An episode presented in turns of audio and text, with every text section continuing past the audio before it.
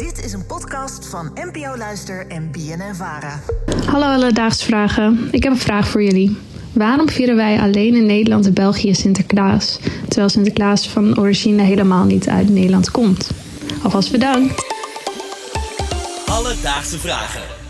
NPO Luister. Alicia, dankjewel voor je vraag. Rosa, vier je ook Sinterklaas vandaag? Uh, niet vandaag, heb ik wel al gevierd. Ah, leuk. Ja, ik ga vanavond wel. Ja? Ja, met de familie. Zin in. Ik hoorde in aanloop naar deze aflevering, jij maakt ook nog een ander programma, De Wereld van BNN Vara. Dat klopt. Elke zaterdag op zondag op Radio 1. Tussen 1 en 3 s'nachts. Uh, en daar ontdekte jij nog iets leuks op uh, als we het hebben over waar Sinterklaas wordt gevierd. Zeker weten. Als je helemaal naar de andere kant van de wereld gaat, namelijk naar Australië, dan wordt daar ook Sinterklaas gevierd.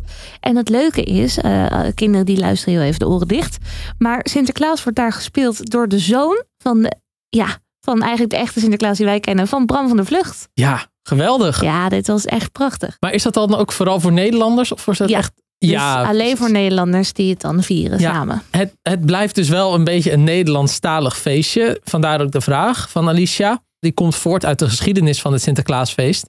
Sinterklaas is namelijk een Turkse heilige geweest. Uit Mira, dat is in het zuiden van Turkije. Een beetje in de buurt van uh, Antalya. Ja, die komt rijden.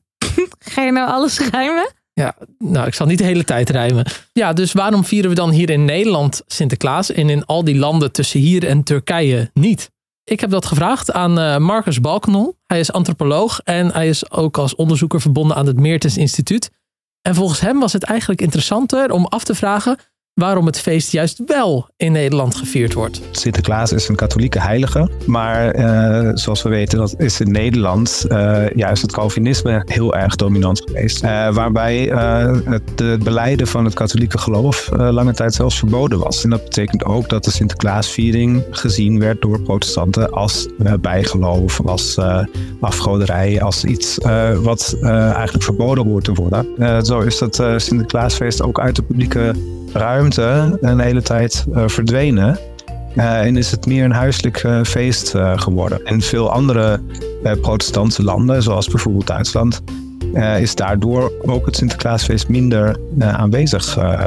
of eigenlijk soms zelfs verdwenen. En in Nederland is dat gek genoeg niet gebeurd. En het is natuurlijk heel lastig te zeggen waarom dat niet gebeurd is. Ja, het Sinterklaasfeest was dus lang verboden. Maar ja, desalniettemin groeide het feest toch een beetje. Misschien een beetje tegen de verdrukking in. Waarom dat in Nederland dan beter ging dan in bijvoorbeeld Duitsland... ja, dat is niet echt goed op te zoeken na de hand. David, kun je alsjeblieft kappen met het rijmen? Ik zal stoppen met rijmen. Ja. Het zou kunnen zijn dat het verbod op de viering van Sinterklaas... ja, juist geholpen heeft om het te doen overleven. Maar dat blijft speculatie. Dat komt met name omdat het een volksfeest is. Uh, dan is het lastig om te achterhalen wat mensen echt bewogen heeft om iets te vieren. We hebben het nu echt over de 16e, 17e eeuw. Dus dat is echt lang geleden. Als we iets later in de geschiedenis kijken, vanaf de tweede helft van de 19e eeuw. Dan krijgt het Sinterklaasfeest toch een iets ja, vastere en stabielere vorm, vertelde Marcus mij. Vanaf zeg maar de late 19e eeuw, uh, met het opkomende nationalisme ook, uh, uh, natievorming in uh, Nederland, hecht zich eigenlijk een nationale identiteit aan het Sinterklaasfeest. Onder andere. Het Sinterklaasfeest was één, werd één belangrijk aspect van wat het betekent om Nederlanders te zijn, zou ik maar zeggen. En dat is in de 20ste, in de 20ste eeuw alleen maar gegroeid. Alledaagse vragen. David, nu hoor ik je de hele tijd rijmen. Ja. De hele tijd. Maar nu is mijn vraag. Ik heb ook gedichten geschreven voor Sinterklaas. Maar waarom doen we dat eigenlijk? Dat is uh, ook nog best even een zoektocht geweest. Uh, daar zijn allerlei onderzoeken naar gedaan. Onder andere een van Klaas Richterink. En die vond het oudste Sinterklaasgedicht. En dat kwam uit 1647. Wow. Toen was de 80-jarige oorlog nog bezig. Uh, maar dat waren wat meer algemene Sinterklaasgedichtjes. Mhm. Dus wellicht te vergelijken met de liedjes van nu. En die waren niet per se geschreven voor één persoon. Het eerste gedicht zoals wij dat kennen, dus echt gericht op één persoon en wellicht gekoppeld aan een cadeautje. Dat is iets wat meer uit de 19e eeuw komt. En in het Groninger archief heb ik er een gevonden uit 1869 van de familie Geertsema. Het is meer dan 80 jaar geleden sinds ik u het eerste lekkers bracht.